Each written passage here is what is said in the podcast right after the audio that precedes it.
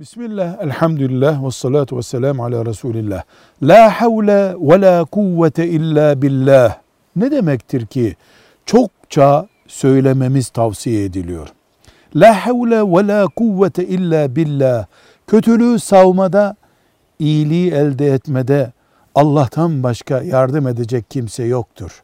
Anlamına gelen çok mübarek bir sözdür, duadır, yardım istemektir yürekten söylendiğinde Allah'ın yardımını çeker.